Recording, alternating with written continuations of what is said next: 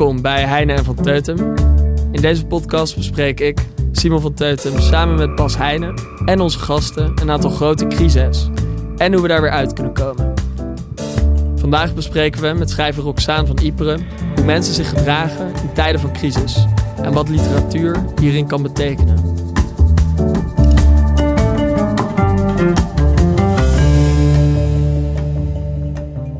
Welkom Roxaan. Dankjewel. Fijn dat leuk. je er bent. Heel leuk om te zijn. Roxaan, jij hebt eerst heel lang gewerkt als zakelijke advocaat op de Zuidas. Een jaar of tien volgens mij. Klopt dat? Ja, nou nog wel langer, maar toen was het ook nog niet de Zuidas. Hè? Dat, is iets, eh, dat is iets best wel nieuws. Het was wel ongeveer die locatie. Ja, maar, eh, Maar in de zakelijke advocatuur. Ja, Hoe komt het dat jij in één keer dacht, ik ga vanaf dit moment ga ik eh, me op iets heel anders richten. Ik ga schrijven en me mengen in de journalistiek. Ik denk dat ik dat altijd al wel deed. Iedereen heeft natuurlijk een beeld van advocatuur en het bedrijfsleven ehm, wat eendimensionaal is. Zoals we allemaal een beeld van dingen hebben waar we van buiten naar binnen kijken. Maar ik, in ieder geval als ik deed wat ik leuk vond, en dat doe je dan natuurlijk eh, hè, maar een klein percentage van de tijd. Want heel vaak heb je gewoon opdrachten en die moet je gewoon uitvoeren. Maar onderzoeksjournalistiek, echt het, ehm, ja, het, het, een, groot dossier behapbaar maken en daar vervolgens, eh, nou even heel kort door de bocht, met een pleidooi uitkomen waarvan je denkt, volgens mij moet dit het zijn. En nu wil ik ook graag dat de andere kant het zo gaat zien. Dat heeft heel veel overeenkomsten met onderzoeksjournalistiek, behalve natuurlijk dat je als advocaat, en dat is echt wel heel anders dan een journalist, altijd enkel het belang van je cliënt behartigt. Ook als ik als mens, vrouw, moeder, wat dan ook, eh, in ieder geval onderdeel van de samenleving, eh, bijvoorbeeld als journalist zou zeggen, oh, maar daar ga ik niet in mee. Ja, Maar je hebt op een gegeven moment toch eh, een stap. Je bent begonnen met een roman. Ja, klopt. Schuim de aarde was de eerste, ja. En wat trok je aan in dat genre van de roman? Eh, ik denk dat dat voor mij gewoon altijd het hoogst haalbare was. Iets waarvan ik dacht, dat is niet bereikbaar, dat is niet beschikbaar. Dat mag ik niet, dat kan ik niet. Wat toch heel Ehm, vreemd is, hè? want ongeveer iedereen schrijft een roman tegenwoordig. Ja, maar is dat ook zo? Laat ik het zo zeggen, echt publiceren. Ja. En, en bij een, een, een eh, in ieder geval, ik heb altijd ik keek er gezegd... echt tegenop. Wat zei je? Het was iets waar je tegenop... eh, Oh, enorm. ja. dus, dus daar is natuurlijk, dat was niet mijn begin. Ik was, denk ik, bijna 40. Nee, dus het is niet dat ik op mijn twintigste dag, god, eh, de wereld zit op een roman van mij te wachten. Totaal niet.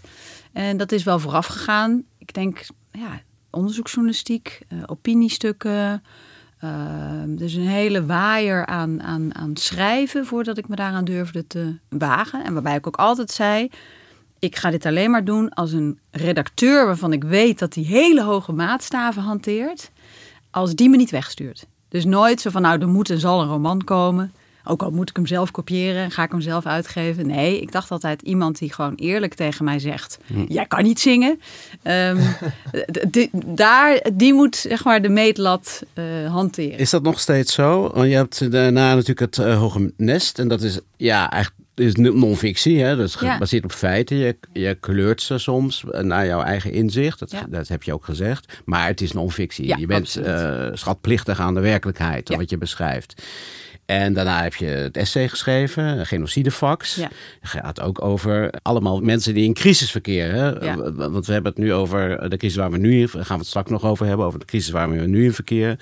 Maar als je naar het Hoge Nest kijkt, of naar de, en ook naar je, roman... Hè, dat speelt zich natuurlijk ook af in een, ja, een, een, een land of een maatschappij in crisis... of mensen in, in, in crisissituaties. Dus dat zijn eigenlijk allemaal... Je plaatst individuen en menselijk handelen... in een tijd van crisis waar het erop aankomt, Ja. elke keer. Wat is dat? Waarom is dat? Eh, ja, ik heb me altijd aangetrokken gevoeld tot de situaties die ik niet begrijp. Die zo scherp en, en, en nou, waar, waar di- zoveel dingen samenkomen dat ik er heel lang voor nodig heb om ervoor te zorgen dat ik er dat ik ergens het begin van, van de kluwe wol, zeg maar, Mm. ontdek. Ehm, en dat is natuurlijk in, in oorlog, eh, in geweldssituaties. Daar heb je en het, nou, het allermooiste van de mens wat omhoog komt vaak. Hè. Dat zie je nu ook. Eh, soms neigt dat een beetje naar, naar goedkoop sentiment. Maar als je dat een beetje kan scheiden, dan zie je dat daar echt wel bijzondere dingen ook, ook nu gebeuren in, in de inval in Oekraïne. Ja. Maar aan de andere kant ehm, zie je daar natuurlijk ook het allerdonkerste van Ja. wat er kan gebeuren. Nou ja, daar ligt wel mijn fascinatie. En voor de lezer die het nog niet gelezen heeft, het Hoge Nest speelt zich af in de Tweede Wereldoorlog. Het gaat ja, dus onder andere over goed en kwaad, over verzet of, of, of stilzitten, over vervolging ook en moed. Ehm, als je zo'n tijd hebt verdiept in een oorlog en in de omstandigheden en personages en het leven daarin, kijk je dan nu ook met een andere bril naar wat er precies gebeurt in Oekraïne? Of hoe wij daarmee omgaan? Nou ja, ik denk voordat je over een oorlog, maakt niet uit welke oorlog dan ook, kan schrijven, moet je je eerst al die mechanismen eigen maken. Nou, Mm. dat is natuurlijk niet mogelijk om over alle oorlogen op aarde en over. Maar voor mij Auschwitz als eikpunt Mhm. van, eh, van menselijkheid. Ja, ik, ik heb daar jaren op gestudeerd voordat ik überhaupt durfde te beginnen aan een boek schrijven. Wat over, in dit geval, een, een, een Joodse familie die zich heeft verzet in de oorlog. Dus iets heel kleins eigenlijk. Maar ik vond dat ik dat pas kon gaan schrijven nadat ik alle grote mechanismen van oorlog niet begreep. Want ik begrijp ze nog steeds niet. Maar in ieder geval wel in kaart had gebracht voor mezelf. Van wat zijn, nou, een genocidevak is precies hetzelfde. Hoe werken groepsmechanismen, Ja. groepsdruk op dagelijks niveau.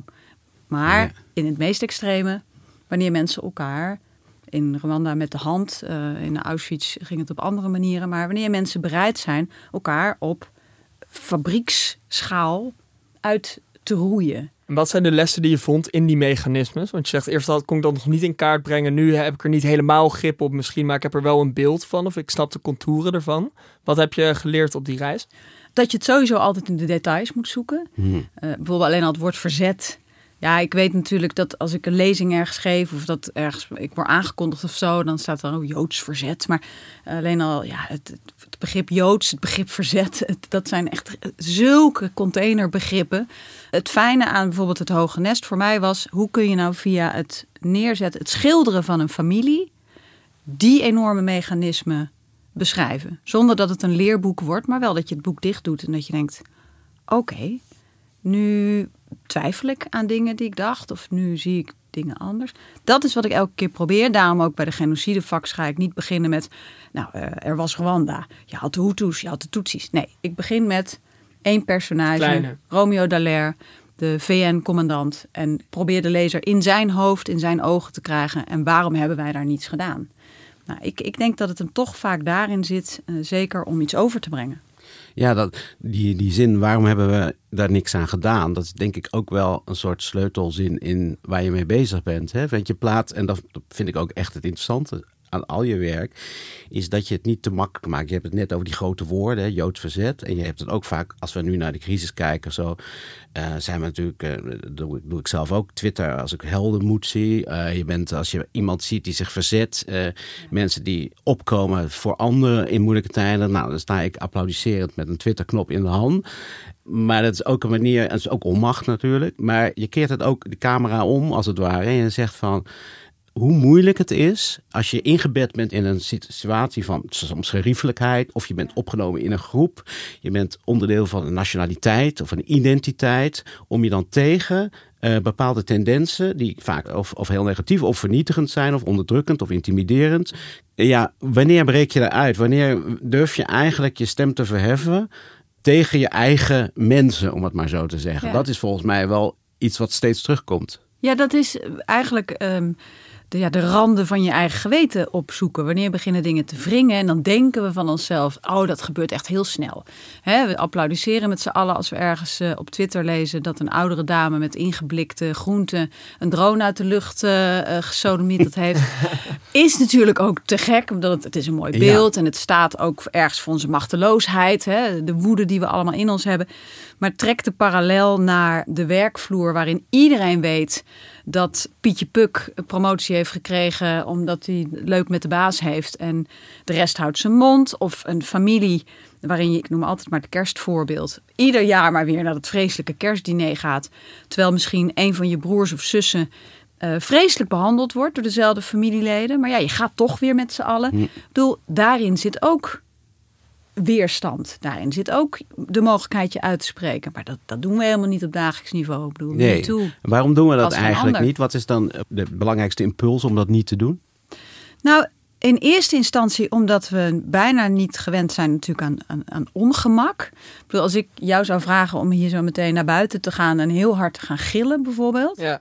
Ehm, eh, dan zou je dat eh, misschien als grapje, als je daarna iedereen zou mogen vertellen van ja, dat was een grapje voor de podcast. Nou, dan zou je het misschien nog durven. Maar als je dat zou moeten doen, gewoon zonder dat het een grap was, zou dat doodeng zijn. Hetzelfde als ik tegen jou zou zeggen, um, ruil morgen maar van outfit met iemand die in de flower power beweging zit. Ik wil dat jij morgen in een paarse broek en in...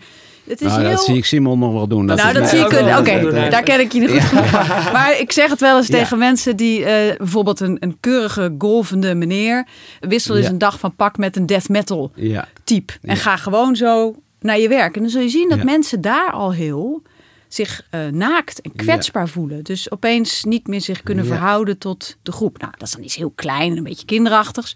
Maar als je dat doortrekt naar... Spreek je eens uit over het feit dat je weet dat er een MeToo op de werksituatie is.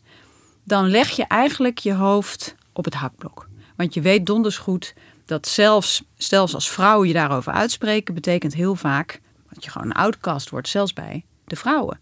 Ehm, dus ja, er staat best wel vaak nog gewoon echt wat op het spel. En dat is ook wel een, eh, hoe moet je zeggen, een eh, discrepantie tussen het zelfbeeld dat mensen hebben en wat ze ook de afgelopen decennia is, is aangepraat, of wat we aangeleerd hebben van individualiteit, eigen keuzes maken, eigen leven maken. Dat, het Oprah-idee van je kunt eh, worden wie je bent, je bent een zelfstandig ja. individu. Nou, dat wordt, staat wel heel erg onder druk doordat mensen door allerlei, hè, door, ook door sociale media, wel degelijk heel erg beïnvloed worden. Identiteit wordt ook heel erg bepaald door wat anderen van jou vinden. Het is niet alleen wat je van jezelf vindt. Eh, dus dat is eigenlijk een soort leugenachtige tweespalt in een mens. Dat je Ja. denkt van, nou, ik maak mijn eigen beslissingen. Ik zou dat ook zeggen.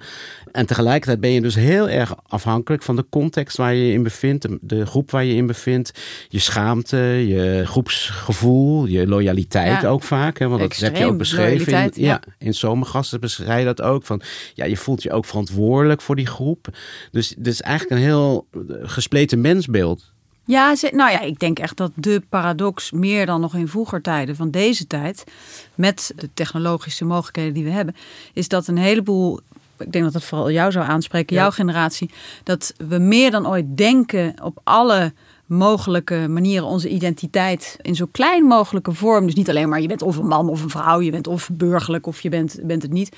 Maar dat we denken dat we die op allerlei mogelijke manieren aan het uiten zijn. Terwijl we meer dan ooit een eenheidsworst, een gemanipuleerde eenheidsworst zijn in handen van grote eh, sociale media platformen. Als je kijkt naar inderdaad iets waar mijn kinderen heel veel op zitten, TikTok. Ja.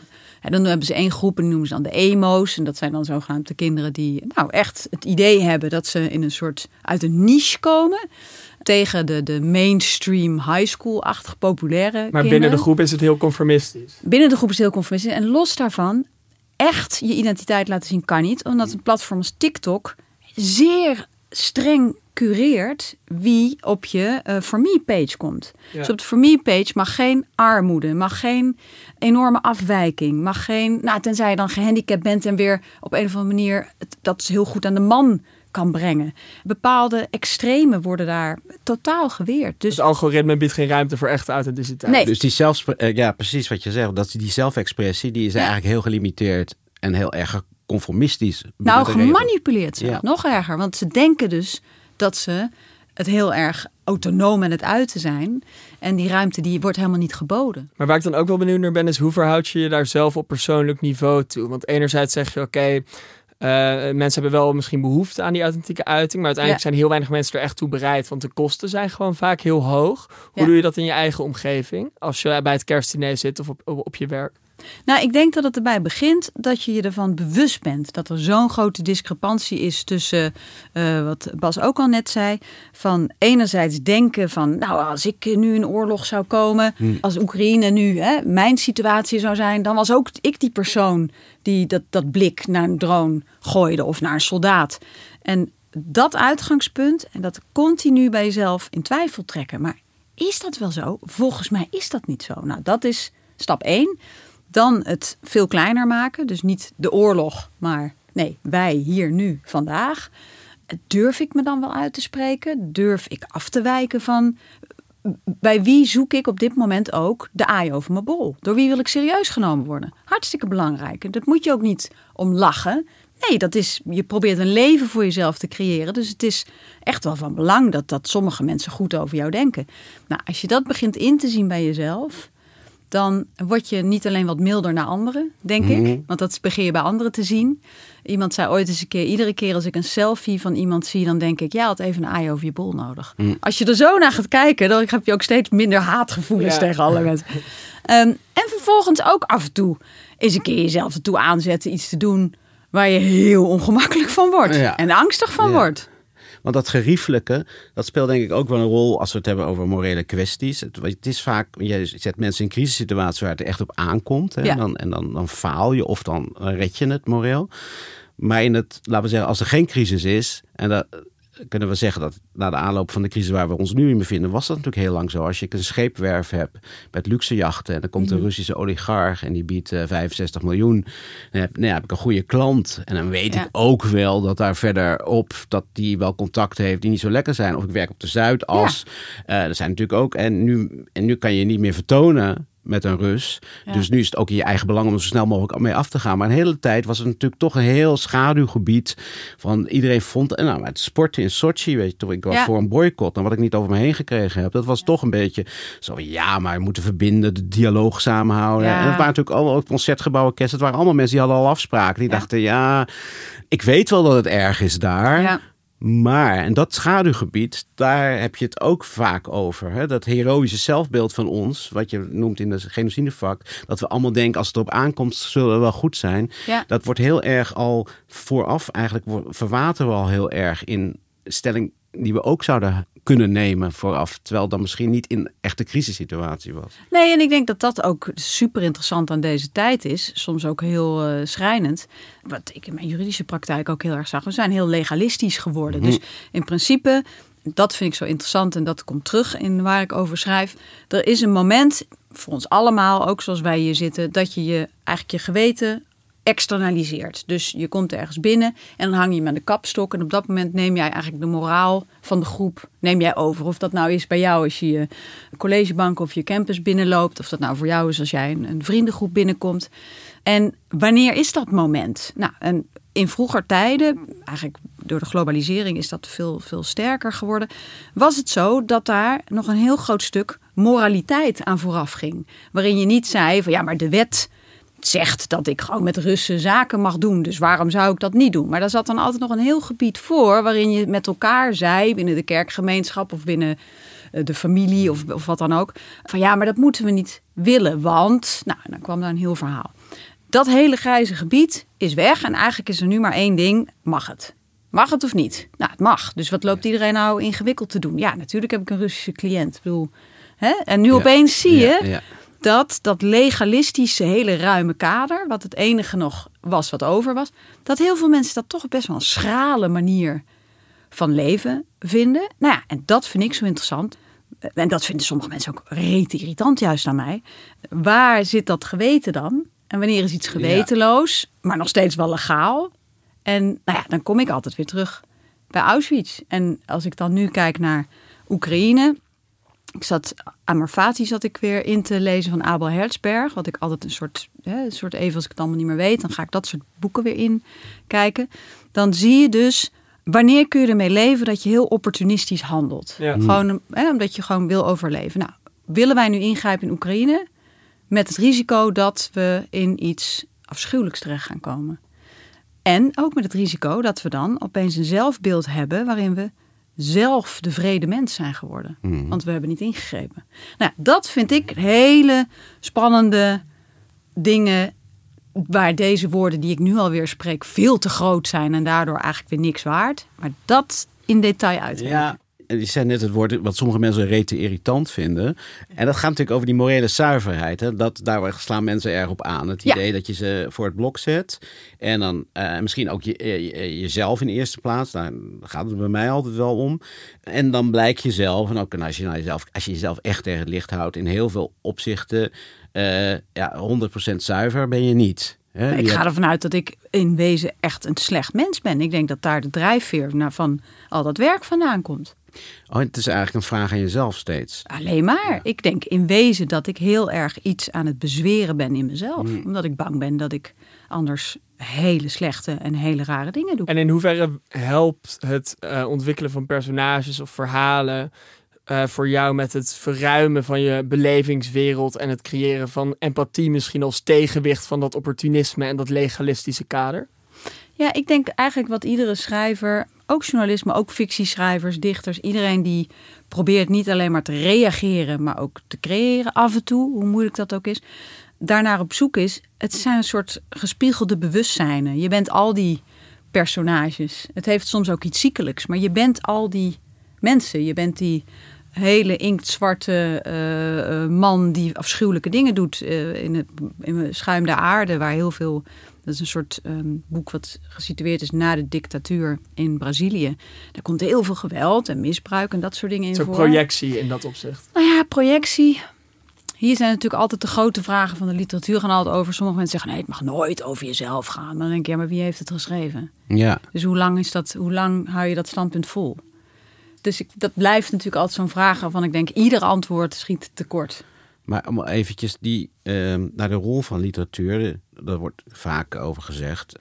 Dat is eigenlijk een, een manier om morele situaties, niet voor iedere schrijver, maar te verkennen. Hè? Waardoor je je ook in een kambeul kunt eh, verplaatsen. Of eh, in, juist in wat je, als je zegt, ik ben zelf, eh, heb ik gezond wantrouwen ten opzichte van mezelf. Dat heb ik ook. En ik, ik hoop Simon ook. Zeker. Eh, dus dat gaan we onderzoeken in literatuur. En literatuur is een soort vrijplaats waarin ik dat kan doen.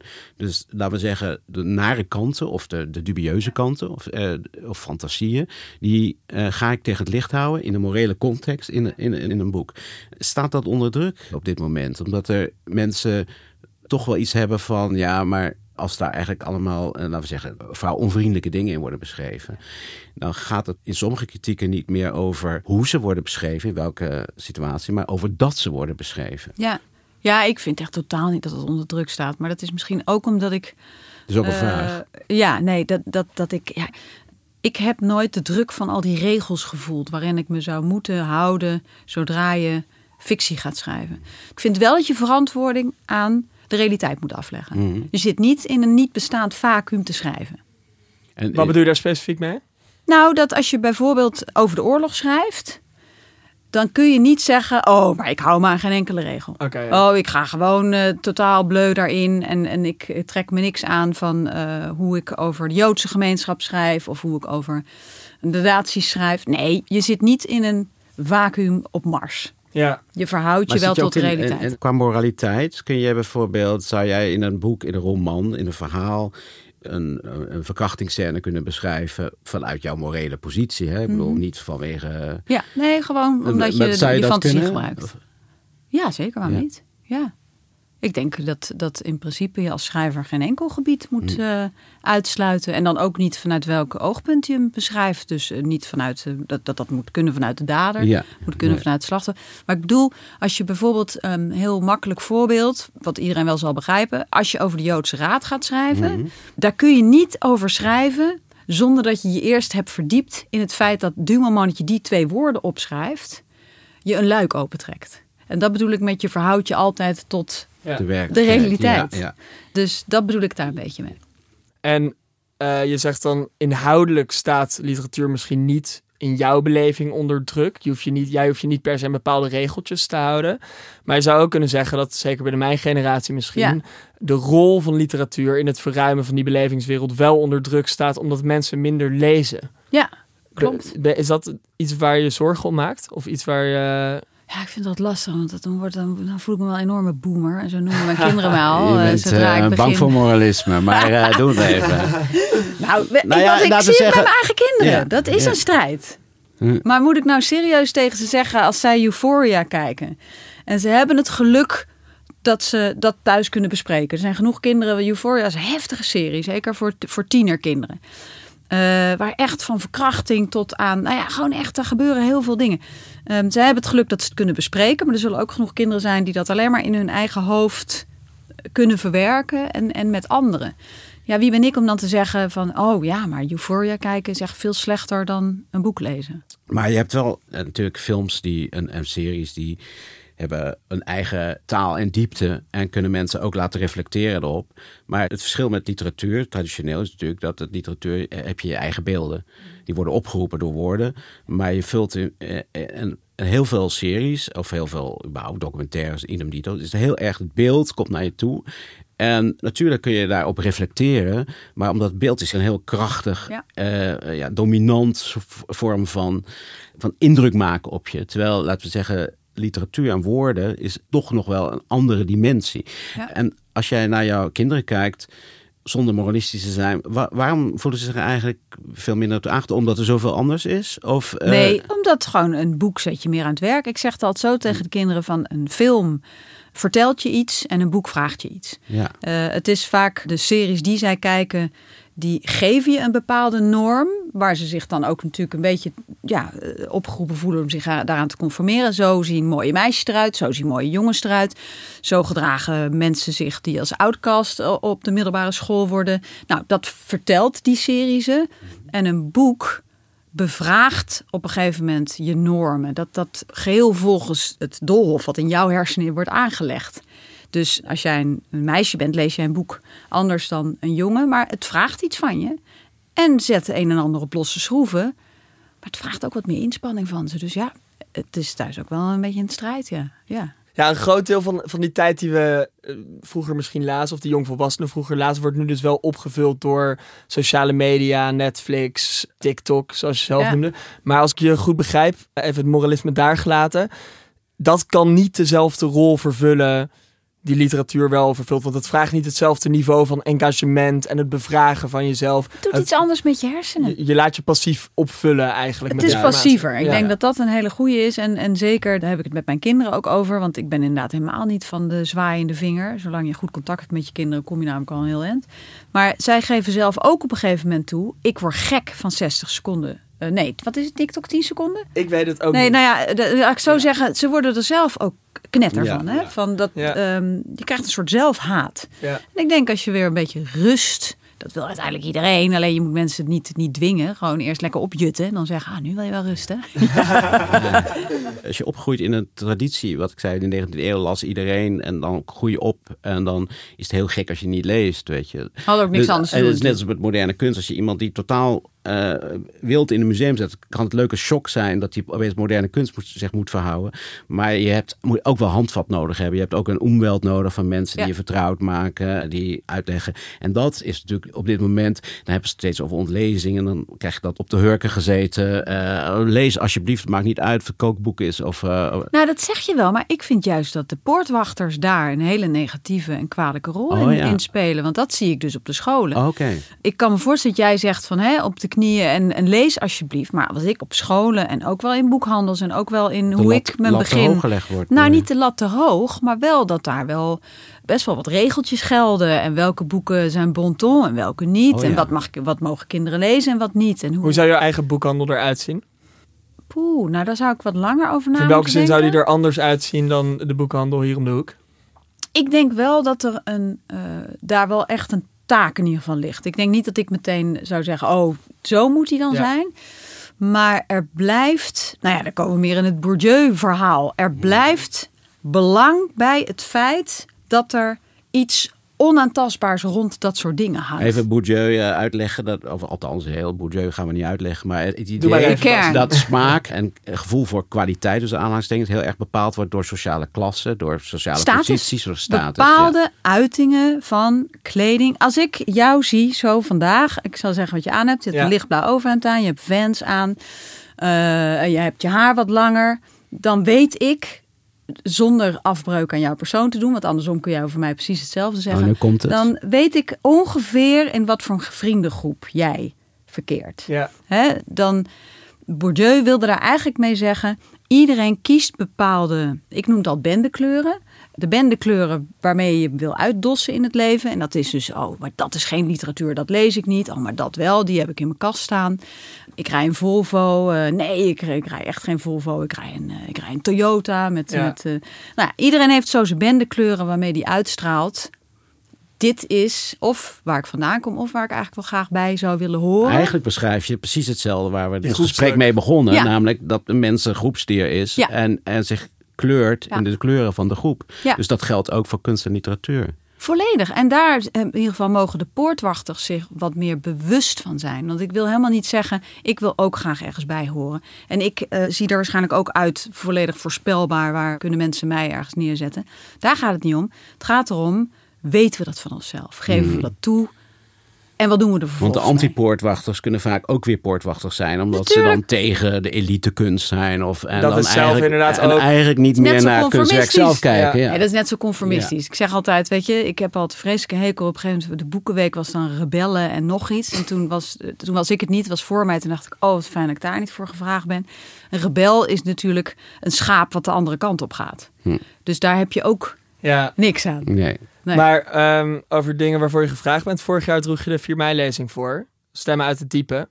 Wat is de belangrijkste les die je er zelf uittrok? Uit het doen daarvan of aannemen daarvan? Dat ik nooit met mijn haar naar één kant naar achter moet doen. Jezus zeg, wat heb daar veel gezeik mee gekregen. Ehm, oh, ik heb heel veel daarvan geleerd. Het was heel spannend. En ik voelde ook de verantwoordelijkheid van al die mensen... eh, waar ik eigenlijk iets van genomen had de jaren daarvoor. Om bijvoorbeeld het Hoge Nest te kunnen schrijven. Heel vaak heb ik het gevoel dat ik alleen maar neem. Dan denk ik, ik kom het bij je halen. En vervolgens maak ik er iets van. En jullie pikken daar bijna helemaal niet. Dan is het van mij. Ja, en dat voelt, dat, dat voelt soms best wel, als je over dit soort onderwerpen schrijft, extra. Ik vind het eh, minder ingewikkeld als ik een column schrijf of iets hè, waarvan ik denk, nou oké, eh, over een halve dag is iedereen het weer vergeten. Dat voelt soms bij boeken nog wat extra. En ik voelde eigenlijk al die mensen die ik heb gesproken, eh, oorlogsslachtoffers, mensen die nog leven en in kampen hebben gezeten, die ik heb geïnterviewd, maar ook de kinderen daarvan, nageslacht van kampoverlevenden die zwaar getraumatiseerd zijn door de opvoeding die ze hebben gekregen. En ik dacht, oké, hoe in hemelsnaam ga ik dat recht doen? Ja, dat, kan helemaal niet, dat is ook veel te groot. Maar toen dacht ik dus, nou, dan kies ik dat kleine verhaal van die man die op straat loopt en aan de mensen om me heen vraagt, wist u ervan? Ik dacht, nou, oké, klein maken. Ja, precies klein maken. Want die Ja. eh, herdenkingstraditie heeft natuurlijk op een bepaalde manier ook zijn ritualistische kant. En kan op een bepaalde manier ook mensen, daarom is er altijd discussies over wie moet je herdenken. Ja. Als we alles gaan herdenken, herdenken we niks meer.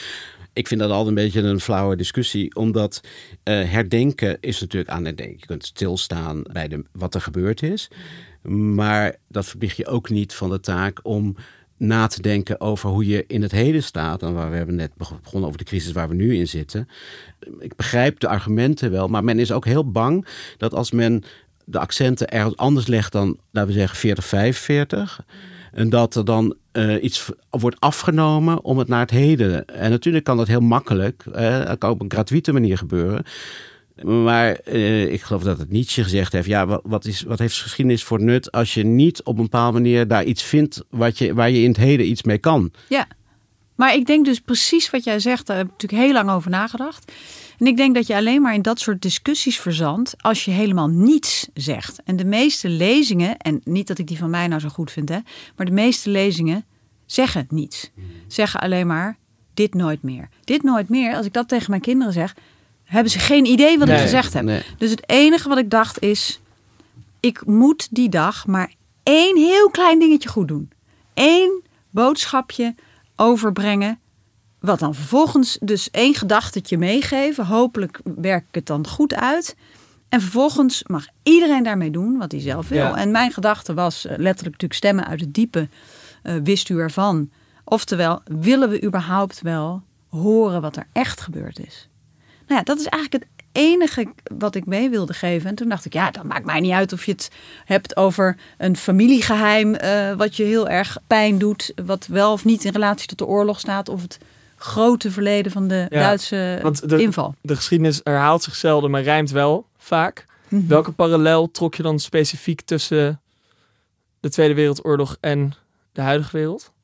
Nou, ik denk even dan specifiek de Nederlandse situatie. Want ik was me natuurlijk heel goed bewust waar ik stond. De plek waar ik stond. De mensen. eh, nou ja, zoveel dingen die, die ik in mijn hoofd had. Waarvan ik dacht, daar moet ik allemaal rekening mee houden.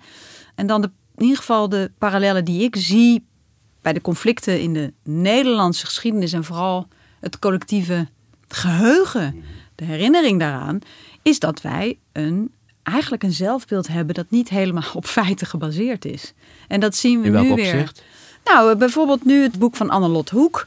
Net over de, de geweldssituatie eh, in Nederlands-Indië. En haar conclusie, ondersteund vervolgens door het rapport wat daarop volgde... van nou ja, toch wel echt structureel overheidsgeweld wat daar gepleegd is... wat heel lang... Ik bedoel, ja, hoe, hoeveel jaar moet het duren voor we daar openlijk over kunnen praten? En dan hebben we het nog niet eens over dat je er een moreel oordeel over velt... maar dat je gewoon in kaart brengt dat het zo is...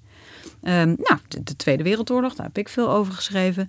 Ehm, maar neem de Molukse gemeenschap, neem, er zijn zoveel Ja, parallellen. Meestal wa- wacht men in Nederland zo lang totdat men anderen de schuld of voorgaande generaties de schuld kan geven. Ja. Is dat ook een deel van het niet willen afvallen van je groep, waar we het eerder over hadden? Van je eigen groep?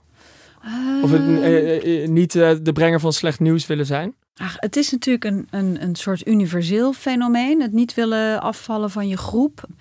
Het is natuurlijk ingewikkeld om in de spiegel te kijken voor iedereen. Maar ik denk dat in Nederland hebben wij wel een, nogal een discrepantie tussen wie wij zijn en, en hoe geweldig wij zijn. En wat er daadwerkelijk gebeurd is. En in Duitsland, nogmaals, totaal logisch, want ze hadden een andere rol de afgelopen eeuw. Maar ik denk dus dat ieder land daar toch wel anders op reageert. Ja. groepsmechanismen bijna overal wel hetzelfde kunnen zijn. Wat vind je de meest misplaatste trots van Nederlanders? Oeh, Dat we altijd aan de goede kant eh, staan Ja. in onze uitdrukking. Dat we altijd denken dat wij.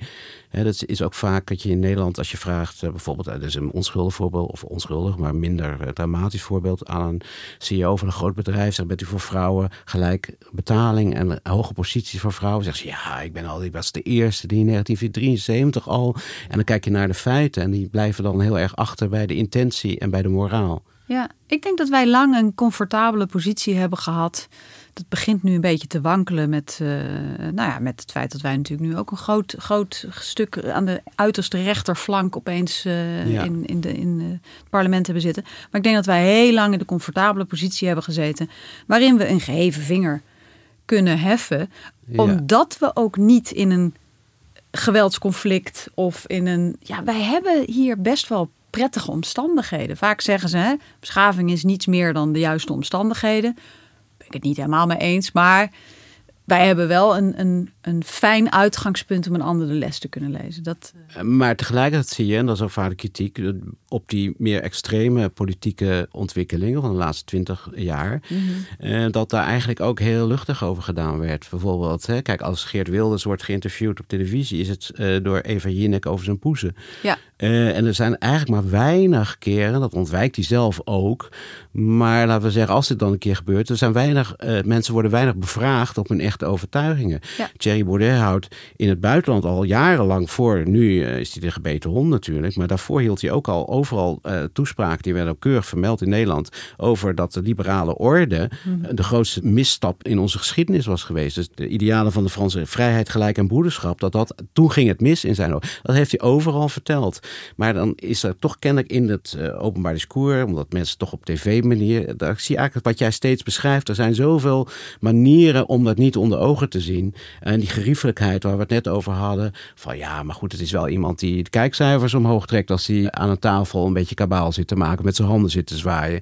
Ja, dat is toch een heel aansprekende gast. Dan Rob Jetten, die eh, geen, geen charisma heeft. Zet daarom aan Rutte tegen Wilders drie keer ook voor de Tweede Ja, en, Kamer. en, en Rutte tegen Baudet, dat zijn natuurlijk dat zijn andere wetten die dan gelden. Is dat een onderdeel van, dat is eigenlijk de vraag hoor, maar is dat het onderdeel van eenzelfde manier van, ja, zolang je niet met het mes op de keel kleur moet bekennen, dan maken we er juist niet zo'n punt van, juist niet dat opgeheven vingertje.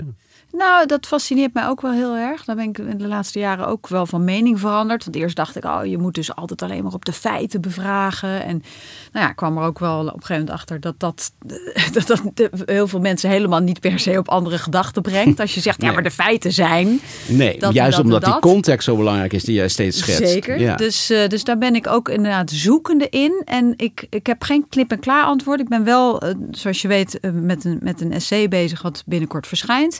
Waarin dit eigenlijk de kernvraag is. En waarin ik eigenlijk op onderzoek ben gegaan naar vanuit deze frustratie. Precies van, ja verdomme, we zien wel echt steeds extremere, radicalere opmerkingen en we weten niet wat we daarmee aan moeten. Dacht ik, ik moet de schijnwerpers omdraaien. Niet meer op die politieke kopstukken, maar welke kiezers zitten daar nou achter? Ja. Dus wie is de achterban? En vervolgens ben ik in kaart gaan brengen van nou oké, als die rechterflank nou implodeert, die kans is namelijk ook altijd aanwezig, of er komen weer andere partijen, dan houden we nog steeds een groot middensegment, de middenklasse als je hem even heel groot wil noemen, over, die echt serieus conservatiever en antiliberaler is geworden. Hm. Dat vind ik interessant. Ja. Dus het feit dat in die grote middengroep, ook als Baudet morgen misschien helemaal geen stemmen meer krijgt of, of, of eh, Wilders, dan hou je gewoon een hele grote groep redelijk ja, normale mensen, ach, het zijn allemaal normale mensen natuurlijk, maar die zichzelf niet associëren per se met antisemitisch of extremistisch Maar of complottheorie. tegen- Maar wel minder liberaal zijn geworden, een stuk conservatiever. En nou, een heleboel ideeën die ik twintig jaar geleden totaal van de pot gerukt vond, helemaal niet zo heel gek meer vinden. Nee. Nou, dat vind ik interessant. Ja, en vind je dat mensen daar veel te weinig eh, oog voor gehad hebben? Dus ook uit een soort, eh, je hebt vaak discussies, zeggen ze, oh, mensen worden steeds rechter, de Overton window verschuift, dit en dat. Eh, maar dan eigenlijk heel weinig zich engageren met de, engageren is iets anders dan vergoeilijken of omarmen of eh, tegemoetkomen. Maar zich we- weinig verdiepen in de, in de wortels of in de oorsprong van deze verschuiving die jij signaleert. Ja, weet ik niet, want dan zeg ik weer iets over een ander. Nou, dat en dat, ja, maar dat is dan ook. Ik begrijp prima ik dat je af en toe, ja, dat je in paniek raakt als mensen op een gegeven moment, eh, ehm, eh, nou, eh, abortus is weer echt een heel normaal onderwerp. Ja. En ook onder vrouwen. Van ja, ik, ik, ik, ik volg heel veel, nou, ja, op zeker nu om het essay te schrijven, ben ik natuurlijk heel erg aan het verdiepen in wat doet nou die middengroep. En dan zie ik dat ook heel veel vrouwen mannen ook, maar ook heel veel vrouwen ook zeggen van ja, maar ja, als je in principe een duurzame partner hebt, dan is abortus toch ook helemaal nooit nodig. Dat is alleen maar nodig als je heel veel verschillende partners hebt. Dus dan kom je al in een totaal andere discussie. Dan ben je eigenlijk al heel ver weg van een radicaal standpunt. Ben je eigenlijk al van in een soort heel normaal van nou, maar abortus is toch ook alleen maar. Nou, dat, dat ben ik aan het bestuderen. Hoe inderdaad de bodem voor uiteindelijk dat toppuntje van radica eigenlijk Eerder de radicale. rand misschien, ja. Ja, de rand of de toppunt. Maar in ieder geval, waar zit nou ehm, eh, de ijsberg onder het water? En die zit bij de middengroep, die inderdaad een stuk conservatiever is geworden. En wanneer kunnen we gaan lezen wat het antwoord op die vraag is? Ja, ik hoop begin mei. Oké. Een laatste vraag, maar die is best misschien wel een lang antwoord. Van mij mag We hebben het steeds over de crisis waar we ons in vinden. Hoe moeten we ons verhouden? Hoe onderga jij het huidige nieuws? Want het is voor ons vooral nieuws. En wat zie jij als een zinnige, dat is best een moeilijke vraag, een zinnige reactie als je zo in een onmachtige positie, of althans ogenschijnlijk onmachtige positie waar wij nu verkeren. Ik denk in ieder geval, als ik het met vrienden over heb. eh, ik zit altijd in oorlogsbeelden. Dus dat klinkt lullig, ik ben er niet voor afgestompt. Maar dat is wel anders dan wanneer je nooit oorlogsbeelden ziet. En nu opeens de hele dag op Twitter en op Facebook en allerlei gruwelijke dingen gaat zitten opzoeken. Ik zeg altijd, eh, je moet je afvragen of je dat wil. Kijk, één moment op de dag gewoon het nieuws kijken. Of nieuwsuur kijken. Of weet ik veel, de BBC, wat je, wat je maar wil. Is ook volgens mij prima. Ik weet niet of je de hele dag alle ellende tot je moet nemen. Maar ik vind het ook een hele goede gelegenheid om in eigen kring wat wezenlijke gesprekken te voeren. Want inderdaad, wat nou als we ingrijpen? Ben je bereid die consequenties te nemen? Nou, wat zijn die dan? Bespreek die eens. Maar ook als we niet ingrijpen, ben je bereid met die gevolgen daarvan te leven. Nou, A, misschien gebeurt er wel helemaal niks meer als we nu niet ingrijpen. Um, maar dan moeten we leven met het feit dat we een heel land hebben geofferd. Omdat we onszelf wilden behouden. Um, B, het zou best kunnen dat als Oekraïne lukt en we grijpen niet in. Nou, dat dat het begin van een hele lange rij is.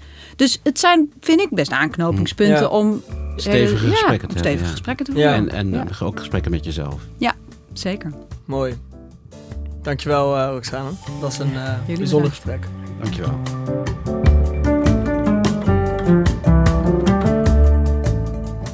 Dit was Heine en van Teutem. Producer van deze aflevering is Inge Ter Schuren. Montage en tune werden gedaan door Jeroen Jaspers en Bas van Win. Luister alle afleveringen van Heine en van Teutem in de NRC Audio app.